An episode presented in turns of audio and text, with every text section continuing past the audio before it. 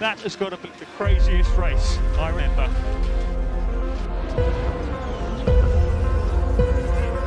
It's lights out and away we go. Yes, it's pole position. It's in their news. Come on! Yes! Toto? Yes. It's called a motor race, okay? Still we rise, guys. Still we rise. We just won the Hungarian Grand Prix. Well done, mate. He won!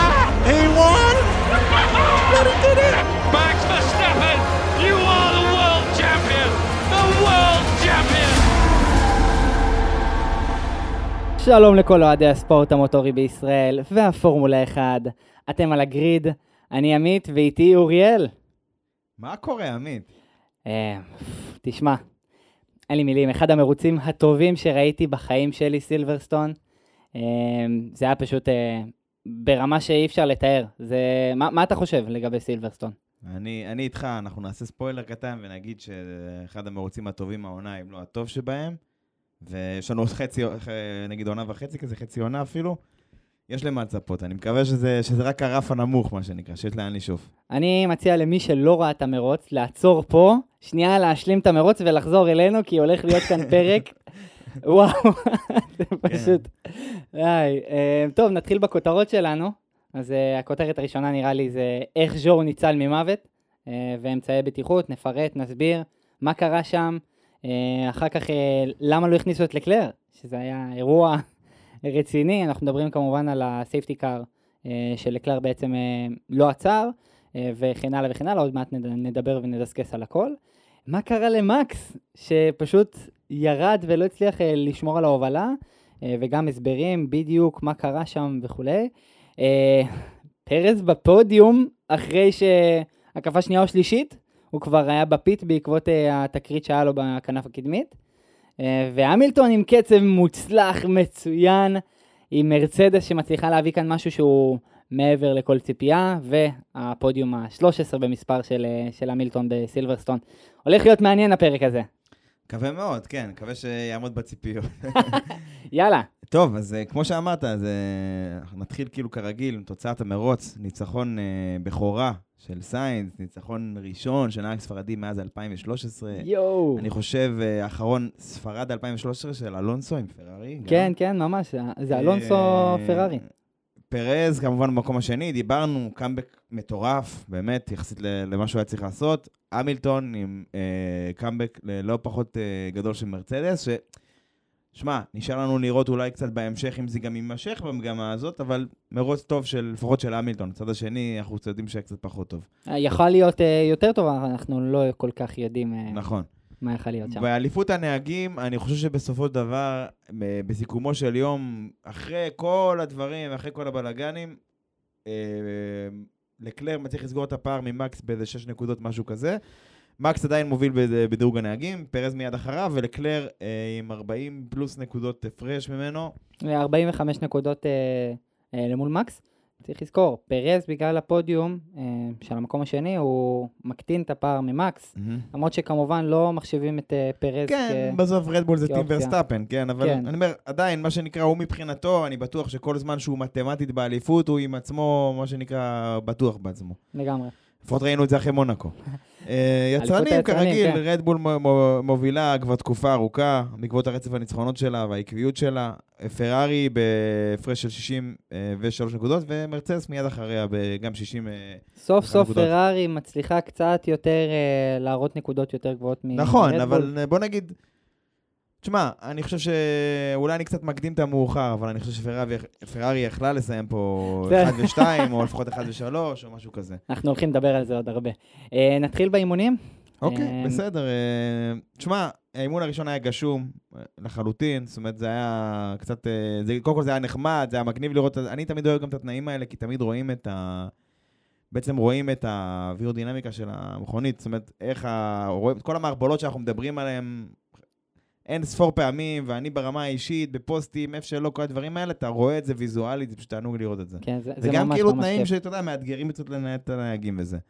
זה, לח, אם אנחנו מדברים, אז תכלס לקבוצות זה לא היה כל כך אידיאלי בעקבות המרוץ לשדרוג, אה, ואם פספסתם את הפוסט של אוריאל על כל השדרוגים וכל ה... בעצם כל הדברים החדשים שהקבוצות הביאו, אז כדאי לכם לקרוא בקבוצת הפייסבוק שלנו. כן, אה, זה מה שנקרא בהמשך הדרך. אה, כן, אז שוב, עמית אמר בצדק שהיו מספר אה, שדרוגים. אני חושב שהכי הכי בולט היה אלפין. אלפין הביאו איזשהו משהו שהוא בין פרארי לבין רדבול בקונסים שלהם. זה רדבול שהביאו כמו כיסוי מנוע חדש כזה. מרצדס שהביאו שלל שדרוגים כאלה ואחרים. וויליאמס שהביאו מכונית אחת משודרגת לחלוטין, מכונית שדומה, יותר מזכירה באמת משהו שנראה ברדבול, ופחות, כאילו היא סוטה מהפתרון של הקונסים הצרים האלה. והולכת ל... לטרנד שכנראה עובד יותר טוב העונה, שזה קונסים רחבים כמו רדבול, כמו פרארי, קבוצות כאלה. בסוף היא לא זכתה לממש את זה גם בעקבות התקריות שהיו, אבל זה כבר אה, עניין אחר. ואס, שהחליפו את המכוניות לגמרי. כן, זהו, אז אה, מאיזו, מאיזו בחינה? גם הביאו הרבה שדרוגים, פעם ראשונה העונה, לעומת ברצלונה שלא הביאו בכלל. כן, זהו, אז אה, זה, בוא נגיד, אה, אולי, אולי פחות אה, התמקדנו בהם, אני לפחות פחות התמקדתי בהם בפוסט. אמ, אם אנחנו מדברים על האימונים, אז מצלמה חדשה בפורמולה 1 שאני ראיתי פעם ראשונה, שזה מצלבת אה, הרגליים, הפדלים. כן, אמ, ניסו, ממה שאני מכיר, ניסו רק אצל לנדו נוריס את המצלמה הזאת, כן, אבל זה נותן לנו זווית נוספת והיא היא מאוד מעניינת מהצד שלי. אה, במיוחד את ה... אפשר לראות בעצם את, ה... את הפעולות רגליים של הנהג. מהמם. כל הזמן אנחנו רואים בעצם רק את הידיים, אבל כאן אנחנו רואים פתאום את הפעילות רגליים. כן. אה, וזה מאוד מעניין בפניות מיוחדות. לדוגמה, מגוס ובקץ, אותם אה, רצף פניות מהירות. כן, משחק עם הגז. המשחק גז. זה, מבחינתי זה היה מאוד מעניין לראות איך הם מנהלים את זה משם, כי זה, זה וואו. לא יודע, אני, אני עדיין חסיד גדול, זה ידוע בכל, בקרב מקורביי, של מצלמת הקסדה, ואני שמח מאוד אה, שבשנה הבאה היא תהיה חובה לכולם. אבל אני מסכים איתך, גם בעניין שהוא עשה אימון של הזינוק, לראות שהוא מוסיף את הגז באופן הדרגתי, והוא לא כאילו כמו שאתה מדמיין את זה, כזה פול גז. ואף קדימה, אז הוא כזה, כאילו הכל כזה, הכל כזה מאוד מדוד, הכל כזה מאוד מחושב, זה באמת היה נחמד. נתון נחמד שראיתי לגבי זה, שהפעם האחרונה שהייתה לנו כזאת זה 1993, לא יודע וואו. מתי היית פה, אני כן, הייתי קטן, אבל אה, אה, האחרון זה נהג יפני בשם אה, אוקיו קטיאמה. מי שמכיר, כל החבר'ה של ה nineties בדוק יזכרו. טוב, דירוג, תשמע, דירוג, קודם כל, אני שמח ששבוע שני ברצף יש לנו דירוג גשום, וכמו שדיברנו עוד בפעם שעברה בפרק הקנדי, אין על תנאים משתנים, מתייבש, נרטב, זה, אחיזה נמוכה, אחיזה, אתה יודע, אחיזה משתנה, אה, אתה יודע, נוצר איזשהו מסלול אה, קו מרוץ מתייבש, ואז יורד קצת גשם. קיצור, שמח. אני מת על התנאים האלה, כי זה מוציא את ה- נקרא לזה מפריד בין הנהגים המצוינים לנהגים הטובים, או הפוך אם תרצה. ותשמע, זה לא, לא אכזב. אני חושב שזה גם הפעם, הפעם המקצה לא אכזב. אה, אני חושב שה... טוב, אולי אותי זה לא אכזב, אבל אני חושב שיש מאוכזבים, זה אסטון מרטין. כבר פעם שנייה ברצף בתנאים האלה הם מפשלים בהם. למרות שלמכונית היה פוטנציאל... אה, טוב, לא לפול פוזיישן, אבל אנחנו יכולים להתווכח אם היה להם פוטנציאל בטוח ל-Q2 ואולי להשתחל ל-Q3. אתה מסכים? כן, אני, אני מסכים שבאמת אסטון הראו תוצאה טובה סופש, וחבל שהם לא הצליחו במקצה הראשון, במיוחד שפטל הוא נהג אה, שיודע להתמודד בגשם.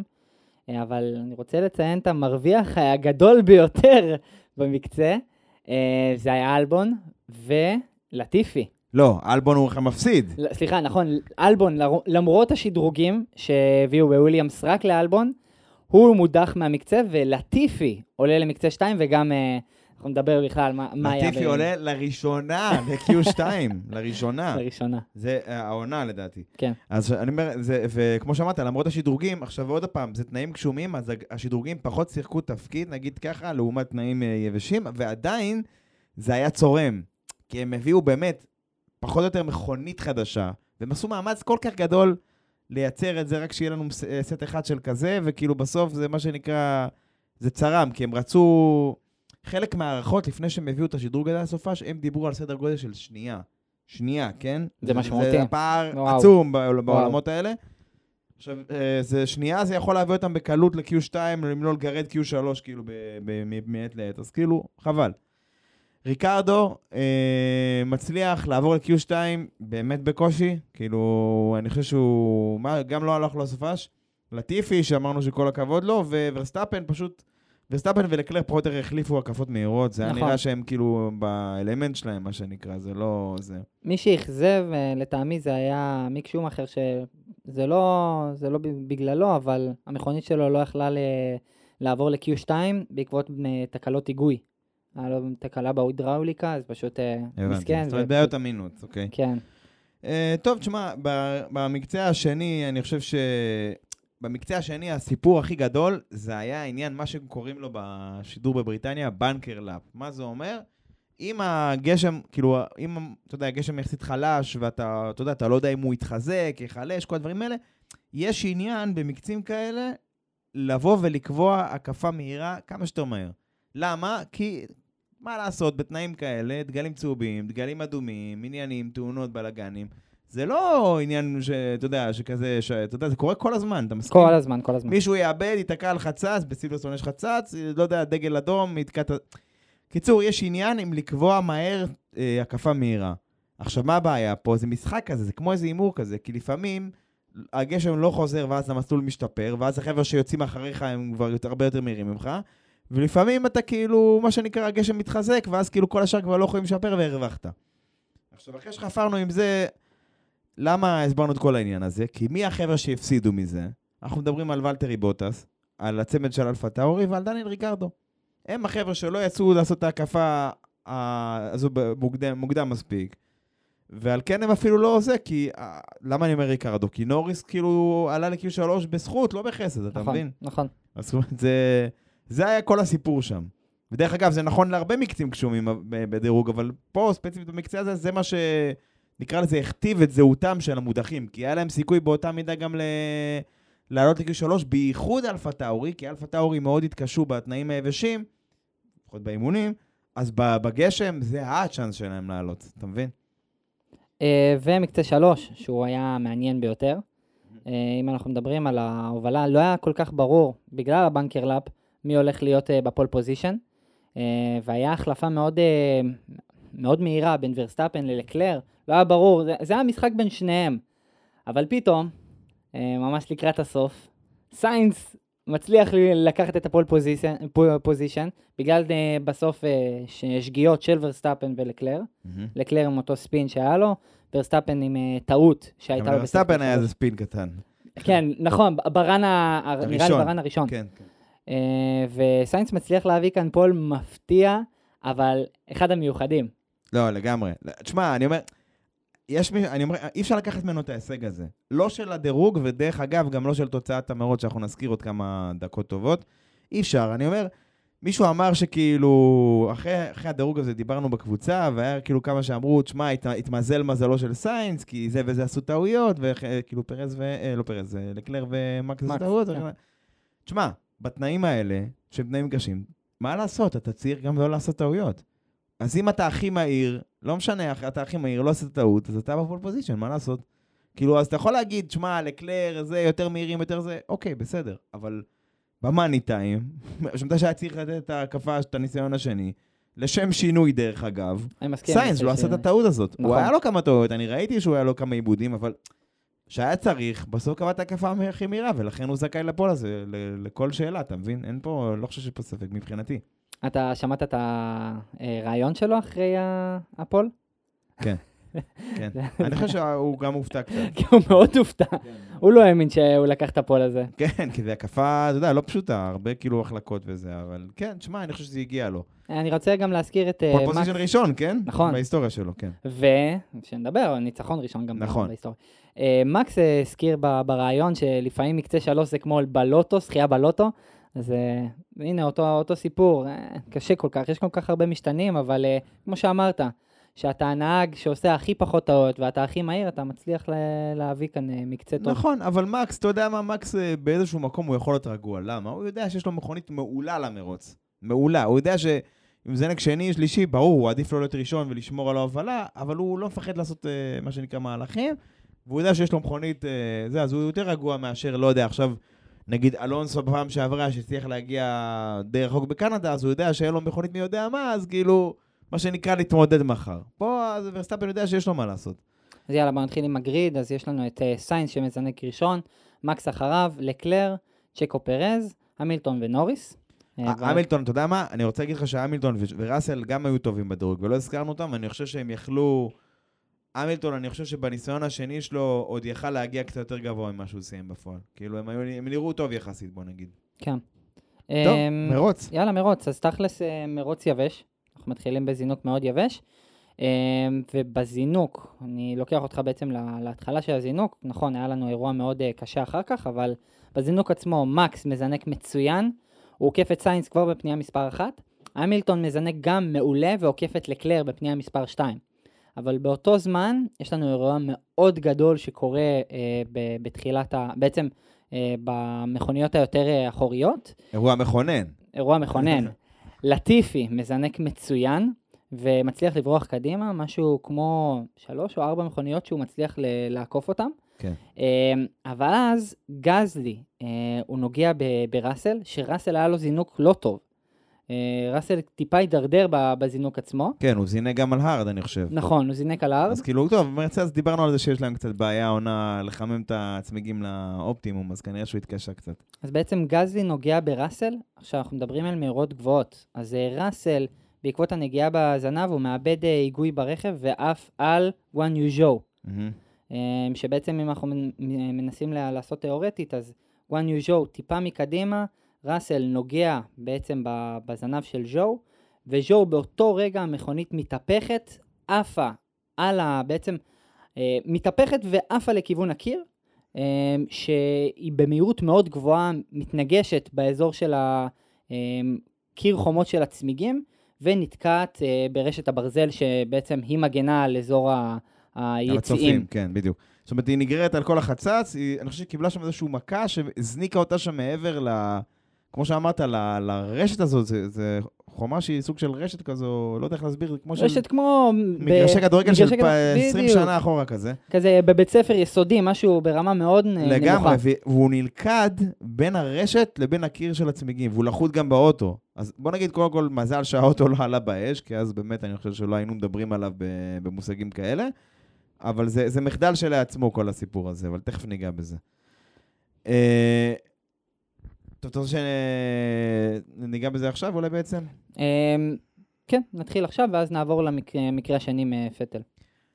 טוב, אז מן הסתם, אה, חלקכם שמקשיב לזה, אני בטוח שכבר שמעתם וטחנתם עד דק את העניין הזה על החשיבות של ההיילו, אז כן, גם הפעם ההיילו, אותה קשת כזאת, אותו כפכף, תקראו לזה איך שאתה רוצה, שמגן על, על, אה, מעל ראשו של הנהג, אה, שנוספה ב-2018, היא שוב הצילה את חייו של נהג בסבב הזה.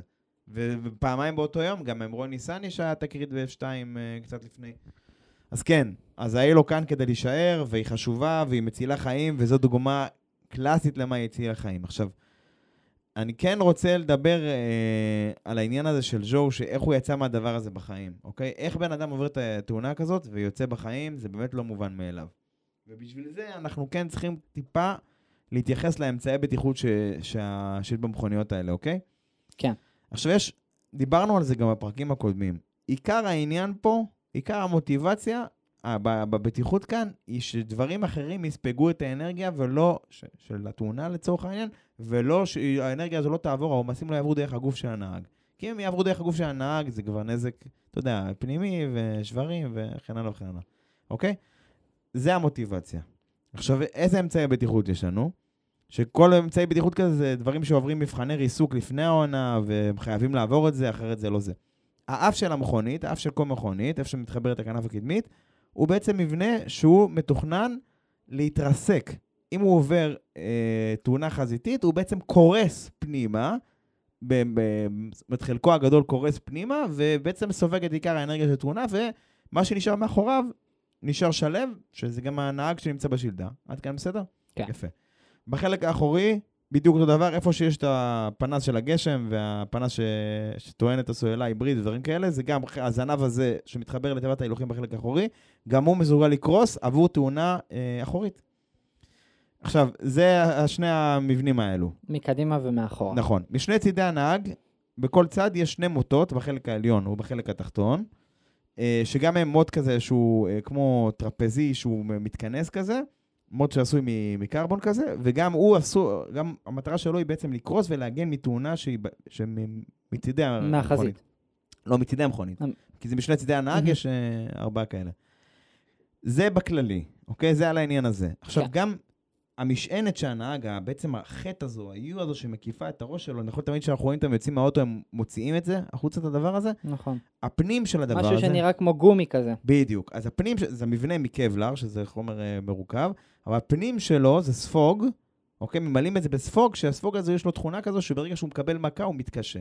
בדרך כלל הוא כאילו רך, כאילו גמיש כזה סבבה, אבל אם יש איזושהי מכה אז הוא מתקשה. ולמה זה טוב? אם חלילה ראש הנהג מקבל איזה מכה חזקה, אז הוא מיד מתקשה ועוצר אותה באופן הדרגתי. אתה מבין את הכוונה? במקום שהנהג יס- יספוג את המכה, אז בעצם ה... זה, אותו... זה, משכך את העניין הזה. גם שם וגם מתחת לרגליים שלו יש משהו דומה, רק ששם הספוג הוא לא כזה מתקדם, אני אגיד ככה. אחרי שהבנו את כל הדברים האלה, זה בכללי, וגם השלדה עצמה, שגם היא נושאת עומס, צריכה גם, כאילו, השלדה עצמה, איפה שהנהג יושב, גם צריכה להגן עליו באופן כללי. אנחנו, רוצ- אני רוצה לגעת באמצעי בטיחות, אה, שני, שני אמצעי בטיחות האחרונים שגם רלוונטיים, אה, אחת הסיבות העיקריות שז'ו נשאר, אה, בוא נגיד, איתנו עדיין. וזה ההיילו, אותה קשת שנמצאת מעל הראש של הנהג, הקשת הזו שאנחנו מדברים, ויש לנו את הרול הופ, שזה קשת התהפכות. הקשת התהפכות נמצאת מעל הקסדה של הנהג, אוקיי? וזה איפה שהכניסת אוויר של המנוע, אם מישהו מצליח לדמיין את זה עכשיו. עכשיו, אני, כאילו, כן חשוב לי להגיד ש... כאילו, אמרנו, הנחיצות של ההיילו אין שאלה. נכון, גם פה, גם בפייסבוק, כולם חפרו על זה, כמה שזה חשוב. חלק מהאנשים אפילו חושבים שזה לא חשוב משום מה, אז בוא נגיד, זה חשוב, בסדר? תבינו את זה. Uh, הקטע של מה שלא היה צריך לקרות, זה שאותה קשת הת- התהפכות היא בעצם כשלה, היא נשברה לחלוטין, והדבר היחיד שמנע, שחצץ בין הקסדה של ג'ו למסלול, שהוא לש- לשחוק, סליחה, את הקסדה שלו, וסליחה על התיאור הגרפי, זה ההיילו. אז הקשת, אותה קשת הת- התהפכות לא עשתה את התפקיד שלה, היא פשוט כשלה לגמרי. עכשיו, אנחנו צריכים להגיד שנייה משהו אה, באמת מאוד בקצרה. כשמתכננים את הדבר הזה, יש איזשהו קו כזה, אוקיי? נקרא לזה קו דמיוני. הקו של הקסדה של הנהג, היא לא עוברת את הקו של הקשת התהפכות הזאת בשום מצב ואופן. לא משנה אם הנהג הזה זה אוקון, שהוא 910 מטר, או שזה צונודה, שהוא מטר 20, בסדר? זה לא משנה מה הגובה שלו. הקסדה של הנהג לא עוקפת את, ה, את הקו הזה, את הקו הדמיוני הזה. במטרה לשמור על הבטיחות בעצם, אה, כן, בין שני האמצעי תתהפך, בטיחות. אם המכונית תתהפך, עוד לפני שהיה את ההילו, אם המכונית תתהפך, שיהיה משהו שיחצוץ בין, אה, בין, ה, בעצם בין המכונית לבין הנהג. כן. עכשיו, צריך כאילו לבוא להגיד, עוד לפני, לפני, זה קיים לפני עידן ההילו, זה קיים בכל מכונית פורמולה שאתם מדמיינים, אם פורמולה סטודנט עד פורמולה 2, זה כאילו משהו סטנדרטי היום, הקשת התהפכות הזאת, היא באמת אמורה להגן על הנהג במצבים כאלה. הבעיה היא שכאילו, שהיא פשוט כשלה. עכשיו, למה, למה זה בעיה? כי זה אמור להיות החלק החזק ביותר במכונית. למה? כי הוא צריך לשאת בכל המשקל של המכונית שהיא הפוכה. אוקיי? הדבר הזה אסור לו להיכשל בשום מצב, בשום דרך, בשום אה, אופן, אתה מבין את זה? כן. כי בהיעדר הילו, אז אה, ג'ו פשוט לא היה שורד את זה. הוא פשוט היה, כאילו, לא רוצה להגיד לכם, הוא היה נהרג במקום, אבל... בוא נגיד ככה, בעבר הדבר הזה, איפה שעכשיו יש את הכניסה של, ה... של, ה... של האוויר למנוע ודברים כאלה, שדרך אגב, זה גם, אה, זה גם פיצ'ר בטיחותי, אמרנו למה, כדי שיחצוץ, וגם פיצ'ר כאילו אווירודינמי, שהמנוע יקבל אוויר נקי ככל הניתן, שבלי הפרעות, בגלל זה זה מוקם כזה גבוה. כן. אוקיי? עכשיו, בעבר זה היה מבנה מרותח כזה, כמו צינורות כאלה, שהיו מחוברים אה, בריתוך לשלדה, ו... וזהו. ו... ובימינו, גם הדרישות של העומסים עלו, וגם הגיאומטריות של הדברים האלה הפכו להרבה יותר מורכבות.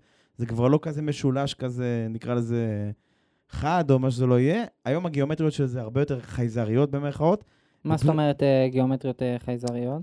פשוט בגלל שיש עומסים הרבה יותר גבוהים, אז יש שם כל מיני כלים שמאפשרים לך להפוך גיאומטריה של חלק, צורה. שעשית בתוכנת CAD, שהיא, שהיא נקרא לזה, תמצא את הפוטנציאל שלו. שיתחזק אותו בדיוק באזורים שצריך, ותחליש בדיוק, כאילו שתחסוך חומר, חומר, סליחה, איפה שצריך, ותחזק איפה שצריך. אתה מבין את הכוונה? כן. איפה שלא צריך שתחסיר חומר, איפה שזה. אז כאילו יוצא לך צורה כזו חייזרית. עכשיו, איך אפשר לייצר דברים כאלה? בהדפסה תלת-ממדית. אז החלקים שהיום מיוצרים בעצם ממתכת, בהדפסת מתכת, לא המדפסת שאתם קונים מהבית ב-100 דולר מאלי אקספרס, משהו קצת יותר יקר, ו- וגם עובר כמה תהליכים של סינטור זה נקרא, בשביל להביא את הדבר הזה לחוזק מכני מפגר, בסדר? מטורף. כן. עכשיו, הדבר הזה הוא, כמו ש... כמו שמה שקרה, הוא כשל, הוא לא כשל במגע עם החצץ, הוא כשל הרבה לפני זה. אתה אמרת שהמכונית של ג'ו התהפכה, ישירות. עוד על האספלט הדבר הזה כשל, אתה מבין? אז כאילו, זה אפילו לא עמד ב... עכשיו, מה שקרה, יכול להיות שזה פשוט המון המון עומסים, ויכול להיות שעניין של כוחות גזירה, לא נתחיל להיכנס עכשיו לקורס חוזק 2 למי שמאזין לנו, פשוט הדבר הזה כשל והוא לא אמור, לא אמור להיכשל. וזה לדעתי, זה אחד הדברים שדורש תחקיר להמשך, אוקיי? כי הדבר הזה בסוף, זה, זה בטיחות זה הכל, אתה מבין? הנושא השני, ופה אנחנו מסכמים את העניין של הבטיחות שלדעתי צריך להיחקר, זה העניין הזה של, ה, של גבולות המסלול. הוא פשוט, ז'ו היה פשוט לחוד, לא רוצה להגיד בין שמיים לארץ, אבל בין הגדר, סליחה, סליחה על הביטוי המאפנה הזאת, לבין החומת הצמיגים. עכשיו, עזוב שנייה, אתה יודע שהטראומה שהצופים חטפו שם מלראות את זה, שנייה אחרי שהם העלו את זה לטיקטוק, אבל אני אומר, כאילו, צריך לחשוב, אולי פעם היה חצץ כזה יותר צפוף, אם מישהו היה כזה יותר מדי זה, הוא היה, נקרא לזה כמו חול תובעני כזה, אתה מבין את הכוונה? כן. כאילו, אם מישהו היה כזה כבר זה, הוא היה ממש שוקע בו, והיה שוקע. קשה לו לצאת. אולי כדאי להחזיר את הדברים האלה. כאילו, או לחשוב על כל מיני אלטרנטיבות אחרות של לבלום את הבן אדם קצת לפני שהוא דוהר כל הדרך עד לשם. הוא לא היה צריך להגיע לשם, לדעתי. ואני אני חושב ששני הנושאים האלה חייבים כאילו להיחקר ולעשות את ההפקת לקחים בהקדם האפשרי. כדי שלא, שבפעם הבאה אנחנו נדבר על נהגים שהם עדיין נשארו בחיים ולא נדבר עליהם בלשון עבר. השאלה אם בעצם אם אנחנו מחליפים את, ה... את התצורה של הרשת ברזל הזאת שהייתה שם, למשהו שהוא יותר מודרני, שהאופציות היום שאני, שאני מכיר, זה אותו קיר בטון שיש אה, במקומות כמו בחריין, או אותה רצועת ברזל שיושבת אה, ב- בצידי המסלול. לא זה או- ולא זה, או אמקו. משהו, טק פרו, או אמקו, דברים כאלה, טק פרו, לא אמקו. אה, או טק פרו שבעצם זה השיטה החדשנית אה, של הספיגת אנרגיה עם אותם אה, בוא ספוגים נגיד, והמים. תעשה מה שאתה רוצה, העיקר תספוג את האנרגיה לפני, לפני הזמן. כאילו, אני לא חושב שצריך לתת לו לעוף כמו טיל עד לשם. כאילו, זה... היה צריך לעצור אותו הרבה לפני זה. אם זה חצץ שיהיה כמו חול תובעני, שיהיה כמו חול תובעני. לפחות הוא היה, לפחות הוא היה שם, היו מצליחים להגיע אליו מהר, ואולי היו צריכים לחלץ אותו שם מסכן מהדבר הזה. אה, מה שהיה כאילו עניין יפה זה שג'ורג' ראסל ישר יצא מהמכונית שלו ולראות מה איתו. אה, הרבה אנשים שיבחו את ג'ורג' ראסל הזה, וגם חלק הזכירו לנו את הכאפה שהוא הביא לבוטס שנה שעברה באימולה, בסדר? בואו, אנחנו בינתיים אה, נ- נ- כן, אה, כן נגיד לו מילה טובה, שהוא באמת, כי הוא בסוף, הוא, המכונית שלו הייתה תקינה יחסית, הוא יכל לנסוע חזרה לפיד ואפילו לחזור להתחרות, כי היה דגל אדום, והוא העדיף ללכת ולעזור לחבר שלו. אה, אני לא יודע אם חברים בפועל, אבל כי הוא הלך ודאג לו. אני חושב שזה כן אה, ראוי לציון לשבח, גם אם בשנה שעברה אמרנו שההתנהגות אה, עם בוטס באימולה לא הייתה כזה נהדר. שאלה כאן, אם אתה היית אה, חלק מהאנשים שיכול אה, להחליט או לשנות את החוקים ב-FIA. כן. אה, בסיטואציה של אה, ג'ורג' ראסל, שהוא הלך באמת ב- במטרה טובה כדי לעזור אה, כן. אה, במצב של אה, ז'ו, האם ג'ורג' ראסל יכול להתחרות אחר כך אה, במרוץ כזה? לא. למה? לא, לא, אני חושב שלא, אני חושב שחוקים הם חוקים, אני לא, בא, לא רוצה לעקם אותם מתוך איזה goodwill או לפרגן למישהו. אני כן חושב שאני, שמה שהוא עשה זה מעשה חכם. לא יודע כמה הוא יכל לעזור לחלץ, אבל עצם זה שהוא רץ, זה הזכיר לי, סליחה על ההשוואה, כן? הזכיר לי את ארטון סנה בשנות ה-90, שהוא היה חבר שלו עשה תאונה, הוא קם ישר יצא, וזה עידן שאנשים מתו, כן? כל הזמן. אבל uh, אני אומר, אני, כשאני רואה דברים כאלה, אותי זה, זה רוח ספורטיבית, זה מעודד אותי. וכן, אני זוכר לו את מה שהיה לו באימונה, כן, לכל מי ששומע. אבל אני חושב שלא. יש חוקים, והחוקים האלה מדברים שאם המכונית מסוגלת uh, לחזור אה, באמצעות הנהג, אבל בכוחות עצמה, לפית, בזמן הדגל האדום, היא יכולה לחזור להתחרות, אם היא חוזרת על נגרר, אז כמובן שלא. אז תשמע, עם כל הרצון הטוב, ויש מלא רצון טוב, וכמו שאמרתי, זה ראוי לכל שבח התנהגות כזאת, כי בטח בעידן של היום, שאנחנו רואים הרבה אנשים מאבלים את הפה וכל מיני שטויות כאלה, אני חושב שזה כן ראוי לזה. אני לא חושב שמתוך הרצון הטוב הזה אני צריך לבוא ולוותר על החוקים, כי החוקים האלה, אין מה לעשות. אם אנחנו כל דבר נעגל את החוקים, אז אתה יודע, אתה יודע לאן נגיע, בקיצור. כן, אני מבין. Uh, עוד uh, מקרה שהיה לנו במהלך התאונה של ז'ו, uh, פטל, שהיה מאחוריו, uh, טיפה מאחוריו בגריד, uh, הוא פוגע באלבון, אלבון בעצם עף לקיר, ועל הדרך מוריד את צונודה ואת אוקון, זאת אומרת שאיבדנו המון רכבים בתחילת המרוץ כבר. לא, אה, אבל צונדה ואוקון, אני חושב שהם אה, הצליחו להגיע. כאילו, אה, אוקון כן, כן. נסע על הג'אנט שם, הם על הג'אנט, עם נכון. צמיג של אופניים, כאילו זה נהיה לו כזה דק, עם צמיג של אופניים איכשהו, זה הגיע לזה. וגם צונודה חזר. נכון, במסגרת הדגל האדום הם סידרו את זה. טוב, בוא, בוא נמשיך בזריזות, ל... ברשותך, לזינוק השני שאחרי הדגל האדום. נבוא, אני רוצה רק שנגיד שהזינוק חזר לסדר המקורי, מינוס אותם אה, נהגים שהיו מחוץ למרוץ בעצם. נגיד למשל לטיפי הרוויח מזה כי הוא זינק שמיני וכן הלאה. למה זה? אתה זוכר? כי כאילו היה, אני זוכר שראינו את זה בלייב, היה קטע, אנשים, מה, אבל מה עם כל העקיפות? לואיס עקף את זה, מקס עקף את ההוא, למה חוזרים לסדר המקורי? מה עומד מאחורי זה? אז בעצם מה שעומד מאחורי זה תקנה של אה, ה-FIA, שבעצם התקנה הזאת אומרת שבמידה ויש red flag, אז חוזרים למיקום המקורי שבה, שבה היה אפשר לפ, אה, לקבוע את הסדר של המרוץ.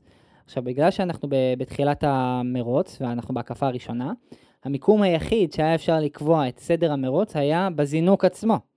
אה, וכתוצאה מכך בעצם החליטו להחזיר את ה... אה, בעצם אחרי ה-red flag, לעשות את הריסטארט בעצם עם הזינוק המקורי. בעצם שהגריד הוא נמצא במ- במקומות של הזינוק המקורי, מינוס המכוניות שיצאו לנו בעקבות ה-DNFים שהיה לנו בהקפה הראשונה.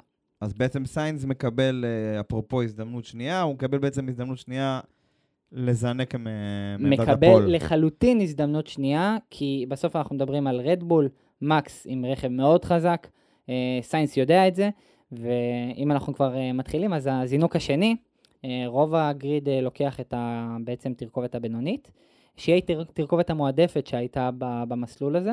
אה, היא הצליחה להביא הכי הרבה תוצאות. אה, סיינס על הקפה הראשונה, סליחה, על הפנייה הראשונה הוא כבר עוקף את, את מקס, והנה אפרופו הזדמנות שנייה. הוא סגר אותו, הוא פשוט סגר אותו, הפעם הוא לא חיכה. הוא- זאת אומרת, בראשון אני חושב שהיה לו זינוק באמת גרוע, אבל הפעם הוא מיהר לסגור אותו. ואז בעצם אה, היה לנו עוד סיפור, אה, היה לנו משחק מאוד גדול על המקום השני, שלישי, רביעי. אה, לקלר שעוקף את פרז בפנייה השלישית אחרי שהוא נכנס מאוד חריף לפנייה. הוא מגיע במצב שהוא נכנס מהחלק הפנימי וסוגר לפרז את כל הדלת. עכשיו, מה שקורה בת- כתוצאה מכך, אה, לקלר אה, מאבד חלק מהכנף הקדמית, את ה-end plate, את אותו חלק בסוף הכנף הקדמית שמפלס את האוויר לאזור הצמיגים, ופרז כתוצאה מכך מקבל פגיעה בכנף הקדמית שלו, אה, שמה שמאלץ אותו להחליף את הכנף הקדמית אה, באותה הקפה כבר. אה, ועוד משהו שהיה לנו במהלך ה, בעצם המשחק הזה בזינוק השני, זה המילטון. המילטון, לעומת הזינוק הטוב שלו, שהוא כבר עקף את לקלר בהקפה הראשונה, הפעם המילטון מזנק מאוד גרוע, הוא צונח ויורד למטה ומתחרה אפילו עם לנדו נוריס, שנוריס מצליח כבר באזור ההקפה החמישית, סליחה, אה, הפנייה החמישית, לעקוף את המילטון אה, ולהתחיל להוביל יותר, להוביל את המילטון, ואנחנו מדברים שהמילטון היא מכונית מאוד מאוד טובה, עם קצב מצוין. כן, טוב, תשמע, אין בעיה. משם, אתה יודע, המשכנו כזה למקס. בעצם מקס מתחיל ללחוץ על סיינס, במקום הראשון, סוגר עליו את הפער בקצב די מהר, גם סיינס מכיר בזה שהוא אומר את זה לצוות שלו. באיזשהו שלב אה, בעצם אה, סיינס יוצא רחב מהמסלול ומקס אה, עוקף אותו. בהמשך הדרך, כאילו... לא סתם טעות, היה לסיינס טעות רצינית. סיינס יוצא מ- ב-run-off של בקטס, וורסטאפן פשוט נשאר פתוח בברוקלנדס straight, בעצם בישורת השנייה של, של סילברסטון. אה, ו- ויותר מזה, אני חושב שהוא אפילו ורסטאפן פתח DRS כי הוא הרוויח, כי הוא היה לפני זה ב-detection zone. לגמרי, ואז... כאילו, ב- לא, מה שנקרא חטא על פשע. בדיוק. אה, טוב, בסדר. קיצור, אה, היה את העניין של צונודה וגזלי, בעצם שניהם נכנסו יחד לפנייה, וצונודה איבד אה, שליטה שם, והיה לו איזה ספין כזה, והוא... שניהם עשו פירואטים על המקום, כן. וזה היה אחד הדברים הכי, הכי, sorry על המילה, אבל דפוקים, כי אין מה לעשות, שני רכבים, יש לכם track position, חבל, אתם גם ככה היה לכם גירו- אה, דירוג גרוע. הם גם היו בניקוד באותו זמן. נכון, הם היו בדיוק. בניקוד, חבל. זה חבל, ו- ויותר מזה, הם גמרו, גר, גרמו ל-debris בחלק ש- שהוא נמצא ב-racing line. אה, זאת אומרת, אה, כאילו, חלק של שברים בעצם, לצורך העניין. נכון, ואנחנו מדברים בעצם על הקו שבו הנהגים מתחרים. עכשיו, מה היה שם? ורסטאפן באותו זמן עולה על האזור שבו היה את השברים, וורסטאפן פתאום מקבל אה, הרגשה שהרכב שלו, יש לו איזה בעיה בצמיגים. פאנצ'ר כנראה, סוג של... איזשהו פאנצ'ר, כן, ובדיוק באותו זמן אה, ורסטאפן נכנס בשביל אה, להחליף צמיגים, כי זה, זאת הסיטואציה שבה הוא חשב שהוא נמצא. מהמם. ורדבול רואים שאין בעיה בצמיגים, מחליפים לו צמיגים לתרכובת אה, הבינונית, אבל אה, אין לוורסטאפן שום בעיה בצמיגים. לא, אבל הוא טוען ביציאה, הוא טען שאין לו אחיזה, ואז בדיעבד הם גילו שאין להם עומס, שאין להם מספיק עומס אווירודינמי בחלק האחורי של המכונית, וכנראה יש נזק לרצפה, ו... ואז בעצם גילינו שבסוף יש נזק ברצפה של מקס, שהורידה אותו בכמעט 2-3 עשיריות. אפילו כן, הרבה יותר. רמה הרבה, אפילו יותר- הרבה הרבה יותר הרבה גבוהה. הרבה יותר, כן. עכשיו, אנחנו מדברים על ור- ורסטאפן, שהוא המכונית הכי מהירה על המסלול, היה צריך להתחרות שם מול אה, מיק שובכר ולטיפי. זהו, זה, זה באמת היה בדיחה.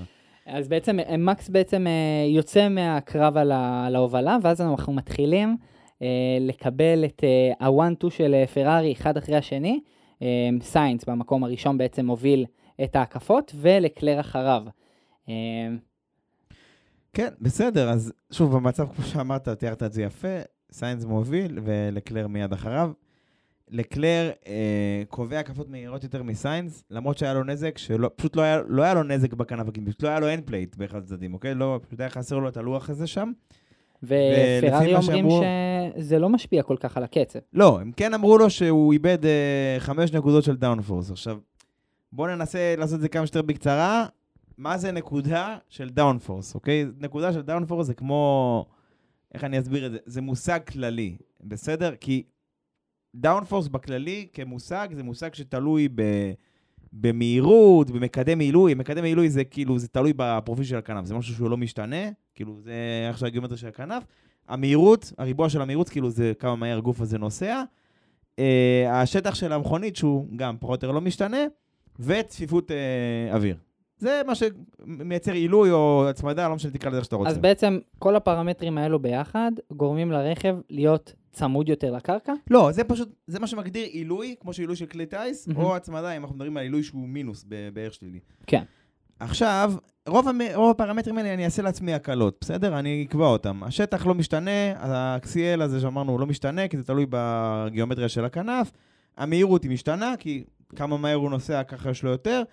והצפיפות, הגענו לצפיפות. עכשיו, מה הסיפור כאן? למה, מה, זה, מה זה point? מה זה point? אין לזה יחידה. מה זה point of downforce? מה זה אומר? נקודות במבחן. לא, עכשיו, הרי הצפיפות של האוויר, אם אתה תיסע ביום חם, או תיסע ביום קר, היא לא אותו דבר, הצפיפות של האוויר, אוקיי? ביום, ביום קר היא גבוהה, ביום חם היא נמוכה, לא משנה, לא ניכנס רגע לסיבות בטרמודינמיקה למה זה קורה, אבל אני פשוט אומר לך שתיסע ביום חם, תיסע ביום קר, זה לא אותם תנאים, סבבה? כן. יופי. עכשיו, אנחנו צריכים איכשהו לנרמל את הנתונים האלה, שיהיה לנו, לנו משהו שאפשר יהיה לכמת, שאני אוכל לבוא להגיד לך, תקשיב, אתה מרוויח פה, אתה מאבד שם, אתה, אתה מבין את הכוונה? כן, כן.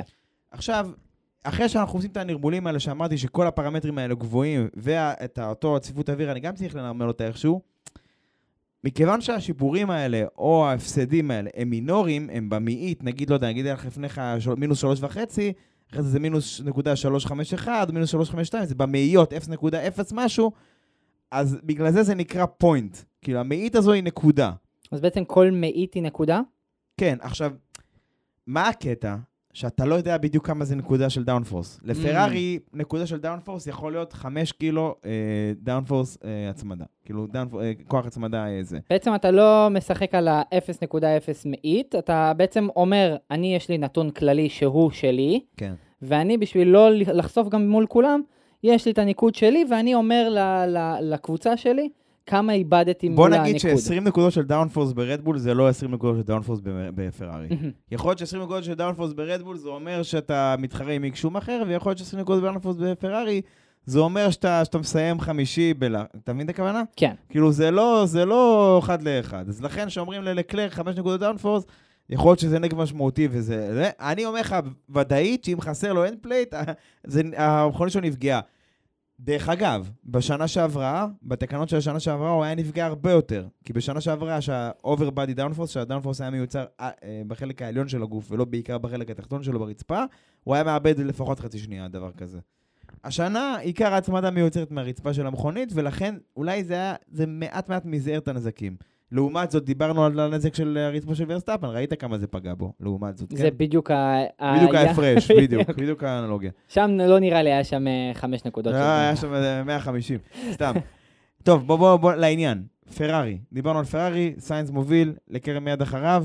מצב אה, מצחיק, כי בסוף דיברנו על זה שלקלר, אני, אני ברמה האישית, שצפיתי במרוץ הזה, צפיתי במרוץ הזה והסתכלתי בזמני הקפות מפעם לפעם, כי היה לי חשוב לראות את, ה- את הקצב של הזה. זה אנשים שמשעמם להם, מה לעשות, אני כזה. בקיצור, אה, אה, כן, אולי נמחק את זה אחר כך בעריכה. בקיצור, אז אה, מה שקרה זה שלקלר, עם הנזק, יותר אה, מהיר מסיינס. עכשיו, מה, מה מתבקש? מה ההחלטה המתבקשת כאן, אוקיי? עכשיו אנחנו נגיד שהמילטון ברקע מצמצם את הפער לצ- לצמד הזה, עוקף את נוריס, מצמצם את הפער לצמד הזה. בקצב טוב, כן, הוא, בקצב שהוא הוא דומה. בקצב של לקלר פחות או יותר, ולקלר עם נזק ותקוע מאחורי סיינס. מה זה אומר? זה אומר שהמילטון יכול כאן אה, לקחת משהו שהוא נכון, לא אבל נורמלי. מה זה אומר על לקלר? אם הוא בקצב של... אה, והוא תקוע מאחורי סיינס, זה אומר שאם תשחרר אותו קדימה, יש פוטנציאל להוציא קצת יותר. חד משמעית יותר. בקיצור, פרארי מתמהמהים עם ההחלטה הזאת, במקום... אה, אני יודע שזה הובלה של מרוץ, וזה לא כזה קל להגיד לסיינס שחרר, אבל תקשיב, המילטון באמת היה בקצב מעולה. ואני חושב שהם היו צריכים, אנחנו, אנחנו חכמים עכשיו בדיעבד, אין שאלה, כן? אבל, אבל אתה יודע, הם היו צריכים פשוט ל- ל- להחליף ביניהם. הרי ברור שלקלר מהיר יותר, אפילו אם אתה אומר לסיינס, תקשיב, תן ללקלר, תן לו הזדמנות, אם הוא, לא יודע מה, לא יצליח לפתוח מספיק פער, אז נחזיר חזרה. אבל ברור מאליו שאתה לא מספיק מהיר, כאילו סיינס, אין מה לעשות, אתה לא מספיק מהיר, כאילו, כדי לשמור על הזה. אם אתה מספיק מהיר, תסחוב את שניהם קדימה. כאילו, אם סיינס, נגיד ככה, יכול להיות מספיק מהיר, שיסחוב את אותו ואת לקלר עם tow כזה קדימה. יברחו אחד להמילטון, אבל אם אתה לא מספיק מהיר, אתה מעכב את ההורס גם לך וגם ללקלר את המרוץ. כי אתה עסוק בלהגן, ולקלר עשוי בלתקוף. כן, לגמרי, אני חושב כל החלטה אסטרטגית כלשהי שפרארי יכלה לקחת כאן, יכלה לעזור הרבה יותר מהסיטואציה שהם אה, הכניסו את עצמם. לגמרי. קיצור, סיינס, אה, אני חושב שהוא גם הראשון לעצור בתור המכונית המובילה, כן, והוא בעצם משאיר את לואיס ואת אה, שרל בחוץ. אה, ושרל... משהו כמו 2, 2.5 אה, פער בין אה, לקלר להמילטון. זהו, אז שים לב, שים לב כמה הם נתנו ללואיס לסגור עליהם. נכון. אז זה, הוא היה אזור. השש אה, שניות פער, והוא Mhm. סגר אותו בטירוף. עכשיו, נכון, לואיס אין לו צמיגים חדשים, ולקלר אין לו, ושרל אין לו צמיגים חדשים, אבל, אבל לואיס כאילו הוא ידוע כאחד שהוא בסך הכל שומר על הצמיגים לא רע, אוקיי? אז זאת אומרת, הוא יכל לתקוף. הקריטי של סיינס, שאולי זה אחד הדברים הטובים שפרארי עשו בדבר הזה, שהוא יצא לפני אה, נוריס, הוא לא נתקע אחריו. אז הוא יצא כאילו מאחורי הצמד הזה עם ה hard, בעצם הוא עדיין מתחרה מול ה... מול הזוג הזה. כן, זוג. אבל מה שהיה מעניין הוא שהוא לא הצליח לה- לה- להניע את ה hard האלה בהתחלה, הוא היה מאוד איטי ביחד, השניים האלה היו יותר מהירים ממנו. אחרי שלקלר סוף סוף השתחרר, הוא והמילטון החליפו הקפות מהירות ביותר ביניהם, וסיינס עוד, עוד לא הצליח להתעורר, אז זה עוד יותר חיזק את הטענה של למה לעזאזל לא החלפתם איתו קודם, אתה מבין? טוב, אה, בקיצור, דיברנו על זה שלואיס סוגר את אה, זה, לקלר עוצר, לואיס בעצם יורש את ההובלה של המרוץ. על ו- מדיום, אה, שאותם הקפות של לקלר, והוא מרגיש שמבחינתו הוא יכול להמשיך עם המדיום הזה עד סוף המרוץ. נכון, הוא לא, לא יודע אם בסוף המרוץ, אבל הוא אומר, הוא יכול להמשיך, כן. הוא כן. הוא לא אומר, חבר'ה, לא- לא צריך לעצור. הוא לא לא הבדיחה הזו של מתי אר זרגון וזה, הוא ממשיך. שזה מוזר לעומת שנה שעברה, אם אנחנו תשמע, מדברים. הוא היה לו תחילת שנה אחלה מצוינת, נגיד, במרכאות מצוינת, כן? טוב, אנחנו מגיעים לזה, לקלר יוצא מאחורי סיינס, אנחנו מגיעים לחלק השני אה, בפיאסקו של פרארי, המרוץ הזה. שאנחנו מדברים, אז לקלר עדיין מאחורי סיינס אחרי היציאה שלו. זה אומר, סיינס שומר בעצם את המקום הראשון כביכול, כי המילטון עדיין לא החליף, ולקלר מאחוריו. ו- ו- ו- ועדיין סיינס, גם בחלק הזה הוא רק התחיל, אני חושב שהוא רק התחיל לקבוע הקפות מהירות. רק התחלנו לראות את היתרון של הצמיגים החדשים שלו, ולקלר יחסית על ההתחלה היה מהיר עליהם. אז כאילו הגענו למצב טיפשי, שלקלר משיג את, אה, את סיינס, וכאילו, חבר'ה, זה הזמן להחליף. כאילו, הזמן עכשיו לשחרר את לקלר, שיפתח פער, כי אתם גם... כי הרי הסיבה המקורית שבכלל עצרתם את סיינס במקור, זה מהסכנה של undercut של מרצדס, כדי שמרצדס לא יקדים אתכם בעצירות. אז עכשיו אתם כבר בסכנה שלואיס פתח עליכם פער של overcut, שהוא כבר יכול לעצור ולהישאר מלפניכם, הוא כבר היה קרוב ל-20 שניות, אה, זה, שעכשיו הוא לוקח את 19 שניות לעצור שם.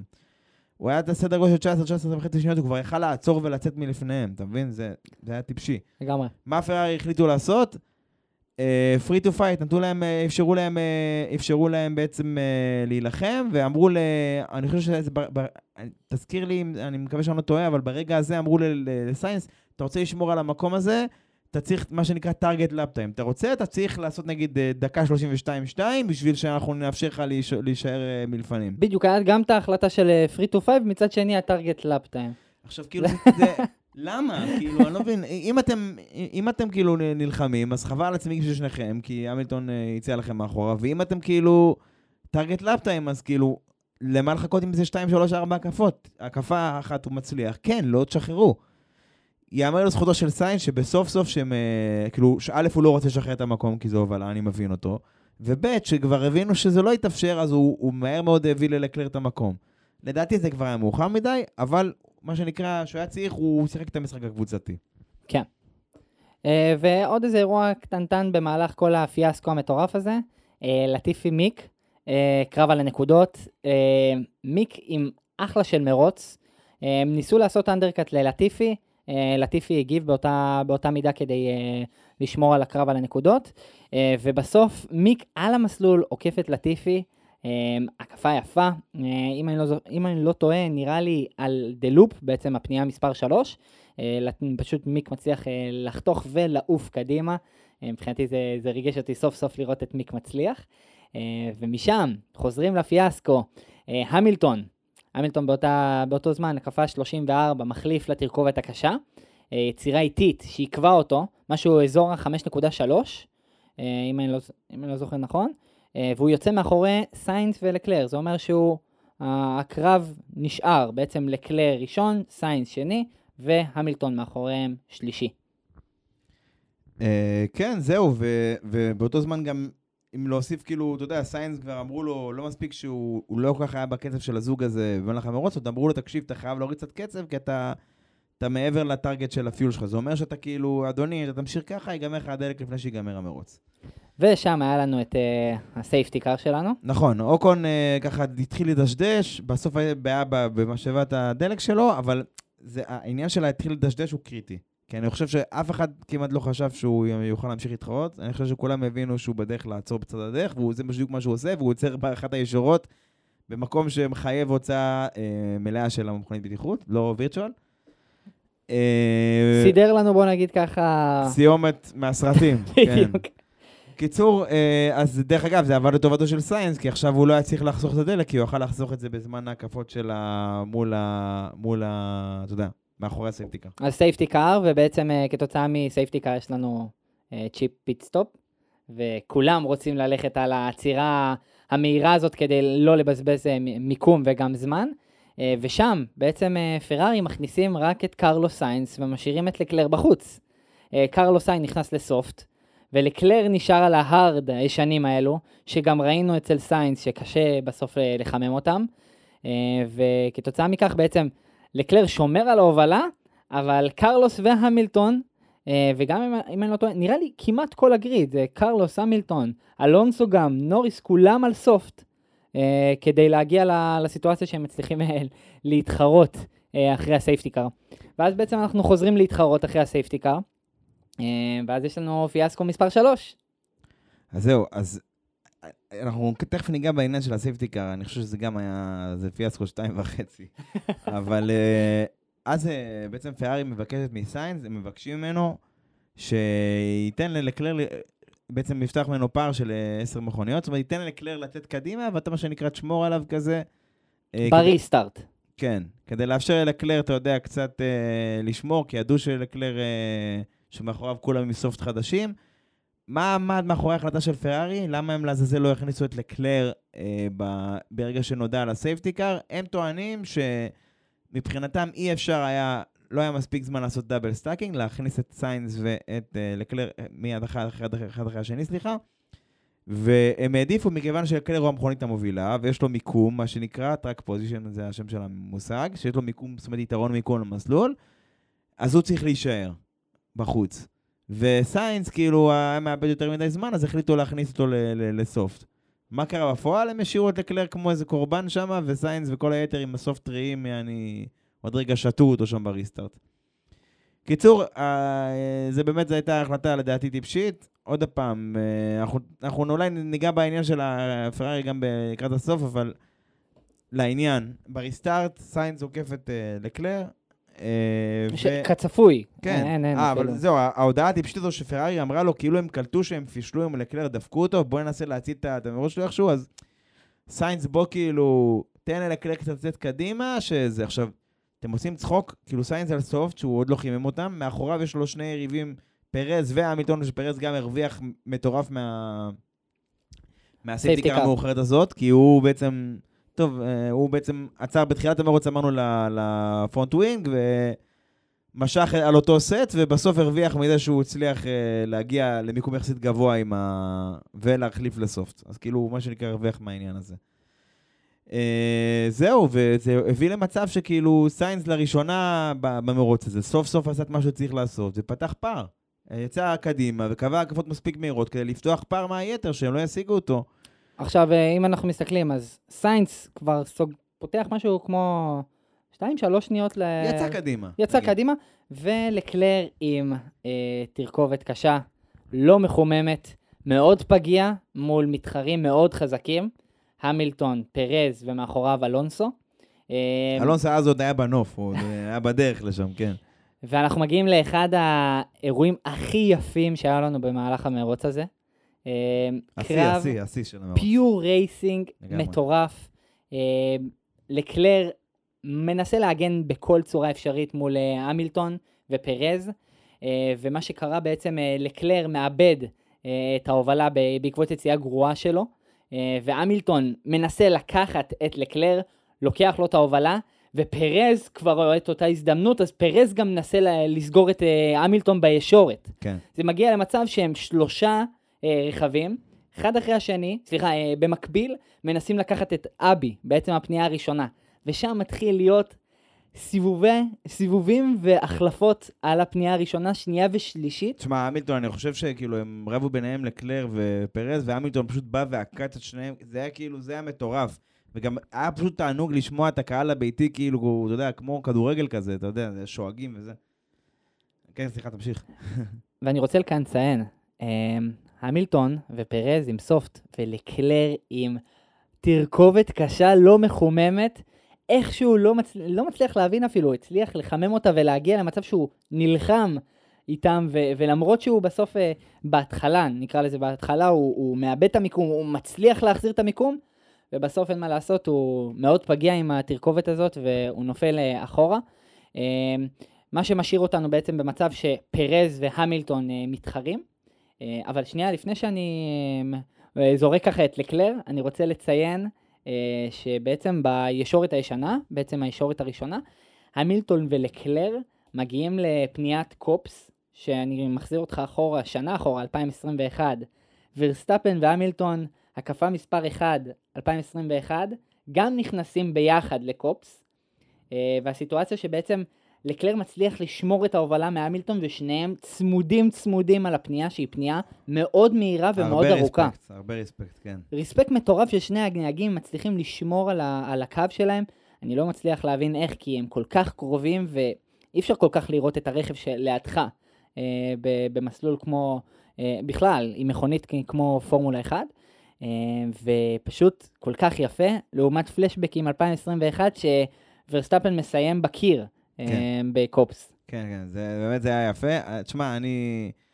אני חושב שגם לקראת הסוף גם היה עניין שדיברנו על זה שאלונסו ונוריס גם נכנסו לתמונה, והיה איזה חמש קבוצות שונות שהתחרו שם על המקום האחרון או המקום השני והשלישי בפודיום, שזה היה יפה, וזה משהו שאנחנו רק... מבחינתי זה, זה כאילו המימוש של התקנות החדשות, ושרק נראה עוד ועוד דברים כאלה ככל שתתקדם העונה. שככל שקבוצות תתחילו טיפה לסגור את הפער על החזית, אם בכלל. והנה, אנחנו רואים סוף סוף, כמו שאמרנו בתחילת העונה, היינו רדבול, פרארי, מרצדס כבר בפנים העניינים חזק. המילטון כאן הצליח להביא תוצאה מטורפת, והמשחק הזה עם השלישייה, יכל להיות גם עם ראסל, ויכל להיות גם עם מקס. אף אחד לא יודע איך זה היה יכול להיגמר. אני מסכים. אני, אני חושב שאם, ש, שאם זה היה בין מקס, זה היה נסגר בין מקס ללקלר לדעתי. אני כאילו חושב שלואיס הייתה לו תוצאה מטורפת, ומרצדס זה כן היה צעד קדימה, שאני חושב שכדאי שנחכה ונראה אם זה באמת נשמר, אם זה באמת מגמה או שזה עניין אה, אה, ספציפי שהתאים להם במסלול הזה. אבל אה, אני חושב שזה החמיא להם קצת. כאילו, אני חושב שאם ורסטאפן היה בתמונה ולקלר היה בתמונה, זה כאילו... זה היה הולך ביניהם כאילו לגמרי. זה כאילו, אין שאלה בכלל, הם היו כאילו... לקלר עם הנזק היה אחד המהירים על המסלול. עכשיו, לואיס היה בקצב שלו, אבל בקצב של פרארי עם נזק. עכשיו, זה קצב מעולה למרצדס, כן? אנחנו מדברים על מרצדס שיש לה עונה אחת הגרועות שלה. אבל- אני רוצה לציין גם שבדיוק התייחסת להמילטון, המילטון לפי הנתונים היה הרכב הכי מהיר על המסלול. היה. כן, כן, לפרקים כן, נכון, היה לו כמה הקפות כאלה לקראת הסוף, זה לגמרי. שזה מראה שלא רק מרוץ אחד, גם אם אנחנו מסתכלים על המרוץ האחרון, קנדה, היה לו לפרקים גם זמן שהוא היה הרכב הכי מהיר על המסלול. נכון, אבל שם זה היה כאילו עד שוורסטאפן וסיינס אה, התחילו ללחוץ על הגז. וברחו, אבל פה הוא באמת היה הרכב הכי מהיר. כאילו. זה מראה על המומנטום המדהים של... אה, נכון, אבל עוד פעם. אני, אני עדיין כאילו חושב ששווה להיות מה שנקרא, בנוגע לקבוצה הזו, אופטימיות זהירה. אני חושב שהם ידעו שסילברסטון יהיה טוב בשבילם, כי הוא מסלול יחסית חלק, נגיד ככה, זה לא מונאקו עם המהמורות, עניינים בלאגנים, וזה פניות מהירות, ולמסלול חלק עם פניות מהירות, אתה צריך פלטפורמה יציבה. זה אומר מכונית קשיחה שלא זזה יותר מדי. נחש למי יש כזאת, הקבוצה הזאת. וגם אז, גם- דרך אגב, זה מה שפגע במרצדס בבקו ובמונאקו, שכאילו עד שהם הצליחו לפתור את הקופסנות האווירודינמית, המכונית שלהם קשיחה מדי וכל הזמן פוגעת ברצפה, כי אין להם מספיק, אה, דיברנו על זה, מהלך במתלים וכל הדברים האלה. אז כאילו, פה הם הרוויחו מהקטע הזה של מכונית קשיחה מדי, אבל זה לא נכון לכל מסלול בסבב, למעשה זה לא. אנחנו ככה סוגרים את המרוץ, אז אני רוצה להזכיר עוד נקודה מאוד מעניינת שהייתה לנו. אה, מיק שומאכר על מקס ורסטאפן, אירוע מגניב בטירוף, הקפות אחרונות, אה, שתיים, שלוש הקפות אחרונות לקראת הסוף. מיק ומקס, מיקס בסוף אה, מאחורי מקס, מקס אה, מגן, ומיק מנסה להתקיף את מקס ורסטאפן. עכשיו אין מה לעשות, זה יכול לקרות רק בסיטואציה שמקס ורסטאפן, שיש לו רכב אה, שפשוט לא יכול להתחרות על המקומות הראשונים, אז אנחנו מקבלים אירועים כאלו מגניבים. אה, ומיק מנסה בכל הכוח אה, לתקוף את מקס, מקס אה, ממש מוציא אותו אפילו במקומות מסוימים הוא היה מחוץ מאוד למסלול. אגרסיבי. אני, אני הסתכלתי על זה ואני חשבתי לעצמי, כאילו, אני יודע שוורסטאפן הוא אגרסיבי, אני, אין לי בעיה עם זה, אני פשוט אומר, ו... כאילו, באמת, זה מה שאתה עושה? כאילו, אתה מסתכן ב-DNF, כאילו, אתה... אתה מבין שאתה אתה במרוץ של, אתה יודע, מה שנקרא למזער נזקים, שאתה צריך להרוויח כמה שיותר ניקוד, וכאילו, אם עכשיו היית, נגיד אתה ומיק, ומוציא את שניכם מהמרוץ, זה מה שעדי, כאילו, דע, דעתך, אתה חושב שהסיכון היה שווה את זה? על מקום שביעי או משהו כזה? כאילו, באמת, זה... אה, הוא דחק את שומאכר שם ברצח, הוא הוציא אותו מחוץ למסלול לגמרי, כאילו, אני פשוט... זה ברגיל אצל ורסטאפן, שזה סבבה, כי הוא אגרסיבי, ככה הוא צריך להיות, אבל... אני פשוט... אה, אני חושב ש... לא יודע, אני הרגשתי שזה כאילו היה סיכון מיותר כזה, לא יודע, תגיד לי אתה, אבל... זה העניין בוורסטאפן, שהוא לוקח סיכונים מיותרים ולפעמים הם מצליחים ולפעמים לא.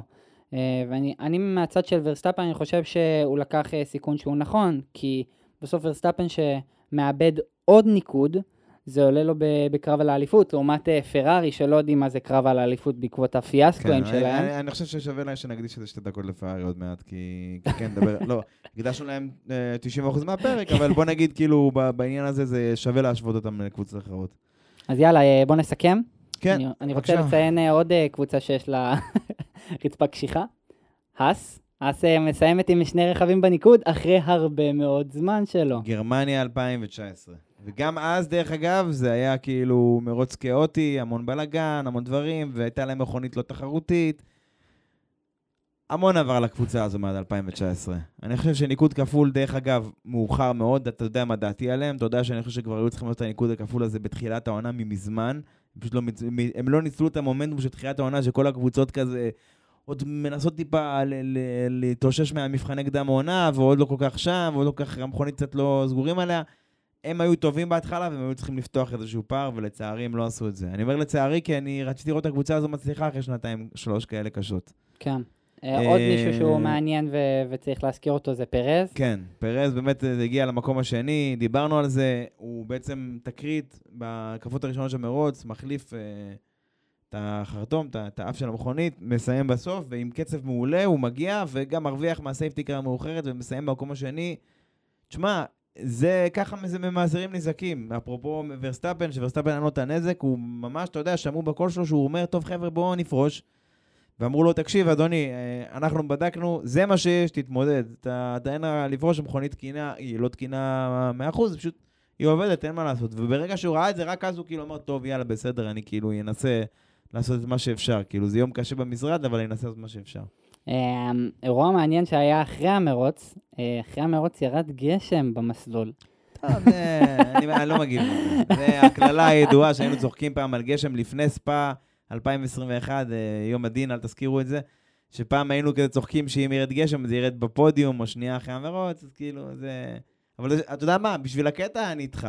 מה היה יכול לקרות אם המרוץ הזה היה גשום? פשוט... אה, אתה יודע מה? אני לא רוצה לדעת. אני אוהב לא, את המרוץ הזה יש- כמו שהוא, כן. הקרבות בסוף, התאונה, אני שמח שכל מי ש... גם האלבון וגם ז'ו וכל החבר'ה שיצאו בזה בשלום. המרוץ הזה כמו שהוא, באמת היה מטורף, ואני שמח שהוא היה כמו שהוא היה, לא הייתי משנה אותו. אותי עדים שאחרי uh, כל המרוץ, ראינו את, uh, היה ממש תמונה, אני זוכר, כזה פוטאג' מאוד מאוד גדול, של ז'ו חוזר ל- למסלול ורואים אותו בריא, שלם, כאילו לא עבר עליו כלום. זה היה, מבחינתי זה היה זה- פשוט זה- וואו, זה רגע- לראות זה פשוט- ניצחון לגמרי, זה אחד הניצחונות בשבילי גם, אני מסכים איתך זה. זה באמת מדהים, מדהים. טוב, תשמע, אני כן רוצה שברגע לפני, ה... זה, רגע לפני הסוף, אה, אני כן רוצה שנדבר על פרארי בעניין האסטרטגי, למרות שעסקנו בזה בעיקר בפרק, אבל אני, בהשוואה לקבוצות אחרות, תש, תשמע, פרארי, הם יודעים איך לנצח מרוצים, הם עשו את זה בשנים האחרונות, אבל הם כבר המון שנים לא נלחמו על אליפות, 17-18 היו הפעמים האחרונות. אה, בעניין הזה הם לא מספיק חדים מול רדבול, מבחינה אסטרטגית. ראינו את זה במונאקו, ראינו את זה בברצלונה, ראינו את זה בקנדה, כאילו, הם לא מספיק חדים, הם לא מספיק החלטיים, כאילו דברים שקבוצות אחרות זה ברור מאליו, ברדבול, בברצלונה הם הקריבו את פרז בשנייה, וזה מרוץ כאילו חמישי לעונה או משהו כזה, בשנייה הוא, הוא כאילו אמר, טוב חבר'ה, הוא התבאס, אבל סתם את הפה והיה כמו חייל טוב פינה את הדרך, אתה מבין? כאילו, אין שאלה בכלל, אנחנו מתחרים פה והיריבים שלנו פה מאחורה על הראש שלנו, אז זה לא ורסטאפן, אז זה המילטון, לא יודע מי, אבל... אתה יודע, זה ההחלטות האלה, זה, זה מתחיל ונגמר בזה. לקלר, אתה יודע מה? מינוס כאילו בעיות אמינות שאין מה לעשות, זה קורה. תקשיב, הוא איבד פה כמה עשרות נקודות בקלות, 50, 60 נקודות, לא יודע, כאילו מתחילת הזה, זה חבל. גם ורסטאפן איבד עם ה-DNF, עם משהו דומה. זאת אומרת, אם היינו מוסיפים לשתיהם, כנראה שהם היו מאוד צמודים כרגע, אבל... תבין מה אני מדבר איתך? הרי אם בסוף היו מחליפים את, אה, את סיינס ולקלר על ההתחלה, אני טוען, כאילו חלק מהחברים, דיברנו אחרי המרוץ, הם אמרו שהמילטון יכל לנצח וזה, עכשיו יכול להיות. אני טוען, ממה שאני ראיתי, ודיברנו על זה גם בפרק, לקלר, עם נזק, מאחורי, אה, מאחורי סיינס, קבע את אותן הקפות כמו המילטון. מה זה אומר? חשבון פשוט, תשחרר אותו לאוויר הנקי, הוא יקבע הקפות יותר מהירות מהמילטון. אני טוען שאם היית משחרר את לקלר בזמן, היה פותח קדימה, גם היה פותח 15-20 שניות מסיינס ולא יודע אם המילטון, היה פותח את ה-15 שניות שלו, יכול לעצור כמו בן אדם ולצאת, עם בלי safety car, אתה מבין? אם אנחנו מסתכלים על זה מהצד שלי, אני חושב שהאירוע הכי גדול זה העניין של ה safety car, כן, כי כן, כן. בסוף זו ההזדמנות השנייה של פרארי לתקן כן, כן. על כן. כל הסיפור שהיה עם, אה, עם סיינס לקלר בפעם הראשונה. סליחה שאני אומר את זה, ברדבול זה לא היה קורה. רדבול מהבחינה האסטרטגית, הם מאוד חדים, והם לא מפספסים הזדמנויות. ואתה יודע שאם יש לך יום שהיריב הכי גדול שלך לא בתמונה, וזה יום כזה, כי ורסטאפן לא היה בתמונה, זה יום שאתה צריך 1-2. סליחה שאני אומר את זה. כאילו, זה אומר מקסימום ניקוד. 1-2, שלא לדבר 1-2 עם הקפה מהירה גם. אתה מסכים? לגמרי. כאילו, אם, ואם אתה לא עושה את זה, אז תעשה בדק בית. וכאילו, זה שבינוטו מגבה את הקבוצה שלו, כל הכבוד לו. אבל אני מקווה שבתדריכים אחרי הזה, אפרופו נטפליקס, אנחנו כל הזמן מדברים על נטפליקס, זה הדברים שהייתי רוצה לראות. כאילו, במחילה משאר הצופים אה, שאוהבים את הסדרה והכל, אני לא רוצה לראות את סיינס, הוא הולך לשחק גולף עם בן דוד שלו. אני רוצה לראות את אחרת התדריכים של פרארי אחרי סילברסטון. אני רוצה לראות את הוויכוחים שאני רוצה לראות לקלר שם, הופך שם כיסאות. חבר'ה, מה פתאום שאתם זורקים את הזה? כאילו, כן, אני מבין, אני מבין אני. בשבילי, המאחורי הקלעים זה מה שעושה את זה. ואני חושב שצריך שיהיה לפחות לעונה הבאה, אני מקווה. אפרופו, אם אנחנו מדברים על אה, נטפליקס, אז אה, מקס ורסטאפן אמר שהוא הולך להיות בנטפליקס עונה נטפליקס עונה הבאה. הבאה. אוקיי, מצוין. תשמע, נסכם בזה שאני חושב שלדעת לנצח מרוצים זה דבר אחד, לדעת להילחם על האליפות מול קבוצה כמו רדבול, שהם חדים מאוד בעניין האסטרטגי ובעניין התפעולי וזה, ובקושי עושים טעויות, אתה צריך להיות לפחות טוב יותר, לפחות כמוהם. ואם הייתי אומר לך לפני שנתיים, אותו דבר עם, עם רדבול ומרצדס. שנה שעברה, רדבול, שהיה לה מכונית טובה, מצוינת, היא הבינה, כדי שתנצח את מרצדס, אתה צריך להיות אה, טוב כמוהם, לא לעשות טעויות ולא לא, לא לפספס הזדמנויות. ואם יש לך הזדמנות שהיריבים שלך לא בתמונה, אתה לוקח את המקסימום אה, ניקוד מזה.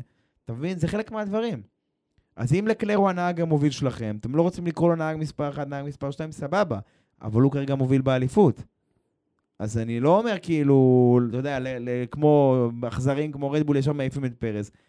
אבל אתה יודע, אתה, אתה נותן לבן אדם צ'אנס, והיה ברור, די ברור מההתחלה, שסיינס, עם כל הכבוד, ואני, ויש המון כבוד, כי אני חושב שהוא הרוויח את הניצחון הזה בזכות, ולא בחסד, אבל בהתחלה היה ברור שהוא לא בקצב של השניים האחרים, של לואיס ושל שרל. ו- וכבר אז היה צריך לתת לפחות לשרל את הצ'אנס. טוב, זה היה זה. בואו נעבור לפינה החביבה עליי ביותר, והיחידה כרגע, בפודקאסט הזה. פעם היה לנו יותר. אם יש לכם הצעות לפינות, היה פעם הצעות, לא יודע מה, רכילות, לא יודע, כל מיני שטויות. תציעו, בקיצור. הטוב, הרע והמכוער, וברשותך, תתחיל עם הטוב, עמית. טוב, הטוב שלי הוא מאוד פשוט. אה, כמו שהזכרת אותו, קרלו סיינס, ניצחון ראשון, ספרדי מאז 2013, הראשון ש... שבסוף עולה על הפודיום. מגיע לבחור הזה, מגיע לבחור הזה, אחרי 150 אה, מרוצים בפורמולה 1. אה, זה נכון, במרוץ ה-150 שלו, זה יפה, נכון, ניצחון ראשון. אה, ניצחון ראשון, אה, אני אוהב את סיינס. הוא נהג מצוין, הוא נהג ספייסי, הוא נותן את הכל על המסלול, ורואים אותו. אני חושב שמגיע לו יותר, אה, מקווה לראות אותו העונה גם אה, עולה יותר על הפודיום. אה, הלוואי ניצחונות. וזהו, תכלס, זה הטוב שלי. אני, רוצה להוסיף לטוב, ברשותך. בדרך כלל אנחנו עושים אחד, אחד לכל אחד, אבל הפעם אני חייב להוסיף על זה. הקרבות בסוף המרוץ, הקרבות מסלול האלה, זה מבחינתי, זה רגע שיא של המרוץ הזה, וזה אי אפשר לשכוח. כאילו, אני חושב שאני, אני, בטח אני, כל אחד שצפה במרוץ הזה, צפה כאילו, אתה יודע, עם, אה, עם עיניים דלוקות על הדבר הזה. זה היה כאילו קרבות מטורפים, נהניתי מכל רגע, ומבחינתי זה כאילו הזיקוק של כל מה שרצינו מהתוצאה הזו, זה זה. זה כאילו, זה מה- מהתוצאה, סליחה, מהתקנות האלה זה זה. כן. בבקשה, את הרע אנחנו נעניק למי? דניאל ריקרדו, דניאל איי. ריקרדו. אה, אנחנו אומרים את זה בצער אה, רב, אנחנו לא הזכרנו אותך במהלך הפרק, מר ריקרדו, אבל אה, זה מרוץ שהוא מאוד התקשה, היה בפער עצום בין קבוצתו נוריס לאורך כל הסופש, וזה התבטא גם במרוץ, הוא פשוט לא היה בתמונה, וזה חבל. כי מקלרן, יש להם מכונית שהיא ככה ככה השנה, ובמסלולים שהיא מתאימה להם אז הם מצטיינים, בפחות, זה פחות, בקנדה ראית שהיה להם יותר קשה. נכון. אז דיברנו על זה, על הניצול הזדמנויות. ביום, ב, בסופה שהמכונית שלך טובה, צריך מקסימום נקודות. ניקוד כפול, לא יודע מה, תקרא לזה איך שאתה רוצה. פודיום בהפתעה, אם תרצה. כן. בסוף, ואם אתה לא, בת- אם שני המכוניות לא בתמונה כמו בקנדה, אז בסדר, שניהם לא בתמונה, אבל ברגע שכן, אם המכונית היא לא עקבית, הרי פרארי יחסית מכונית עקבית העונה, נכון? היא יכולה להתחרות על הפודיום וניצחונות כל מרוץ, אבל מקלרן לא. אז כשאתה כן שם, כמו מרצדס, כמו שמרצדס עשתה מתחילת העונה. מה שנקרא, ניצלה הזדמנויות למקסימום. בסדר? יותר מזה, גם היה אפשרות מאוד קלה להגיע לניקוד הפעם. אה, אנחנו מדברים על זה שלטיפי כמעט לקח ניקוד. כן. היה אפשרות להגיע לניקוד, לא יודע מה הייתה הבעיה של ריקרדו, אבל באמת ש... שיעשו את הבדק בית שלהם.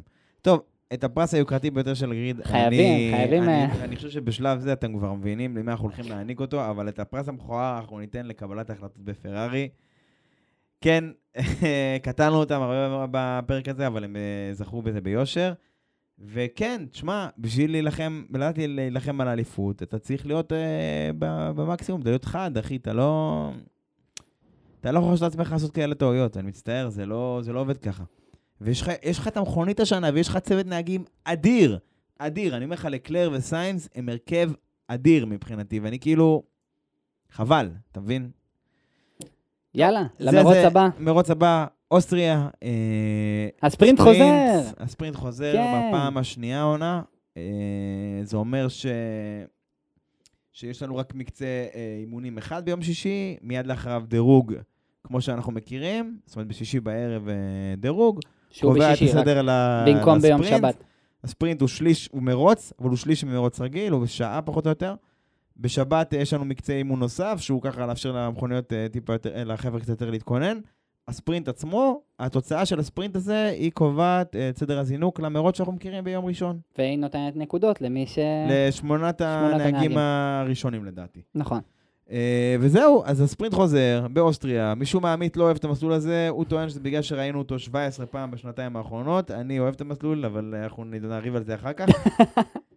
אה, וזהו, מסלול מגניב, נוף אדיר, אה, אוויר קצת דליל, אז יש עניין של אה, בעיות של קירור, הרבה קבוצות היו מתקשות עם זה, היו צריכות לפתוח כל מיני פתחים, גם על חשבון האווירודינמיקה. ישרות ארוכות. שנה שעברה היה לנו הרבה קרבות צמודים, למרות כל האוויר המלוכלך, אז אני דווקא די מצפה לזה השנה, שיהיה לנו נחמד, כאילו, שיהיה אפילו יותר כזה ספייסי וזה. אבל בוא נראה, אתה יודע, בכל זאת ספרינט, זה... נכון לזמן של ההקלטה כרגע, התחזית מדברת על זה שיהיה לנו גשום בשישי או בשבת. אה, אני בעד. אני בעד, ראינו שזה עושה קצת טוב, אה, עד גבול מסוים, לא צריך שיטפונות כמו בספא, לא רוצים לחזור לזה, תודה. כאילו, גשם בסבבה כזה, אתה יודע, שרק יורד, שטיפה חלק, שיחליקו, יהיה בסדר. זהו. אה, זה- כמו זה, תמיד. אה, זה הפרק שלנו 21. נכון, פרק 21. כרגיל, קבוצת פייסבוק שלנו פורמולה 1, וספוטיפיי, גוגל, אפל, טוסטר. יוטיוב, כמובן, יוטיוב, אני כל פעם שוכח. אז גם ביוטיוב, אז אה, תודה רבה, עמית. אה, תודה רבה, אוריאל. יאללה, זה הכל הפעם. יאללה, ביי. ביי.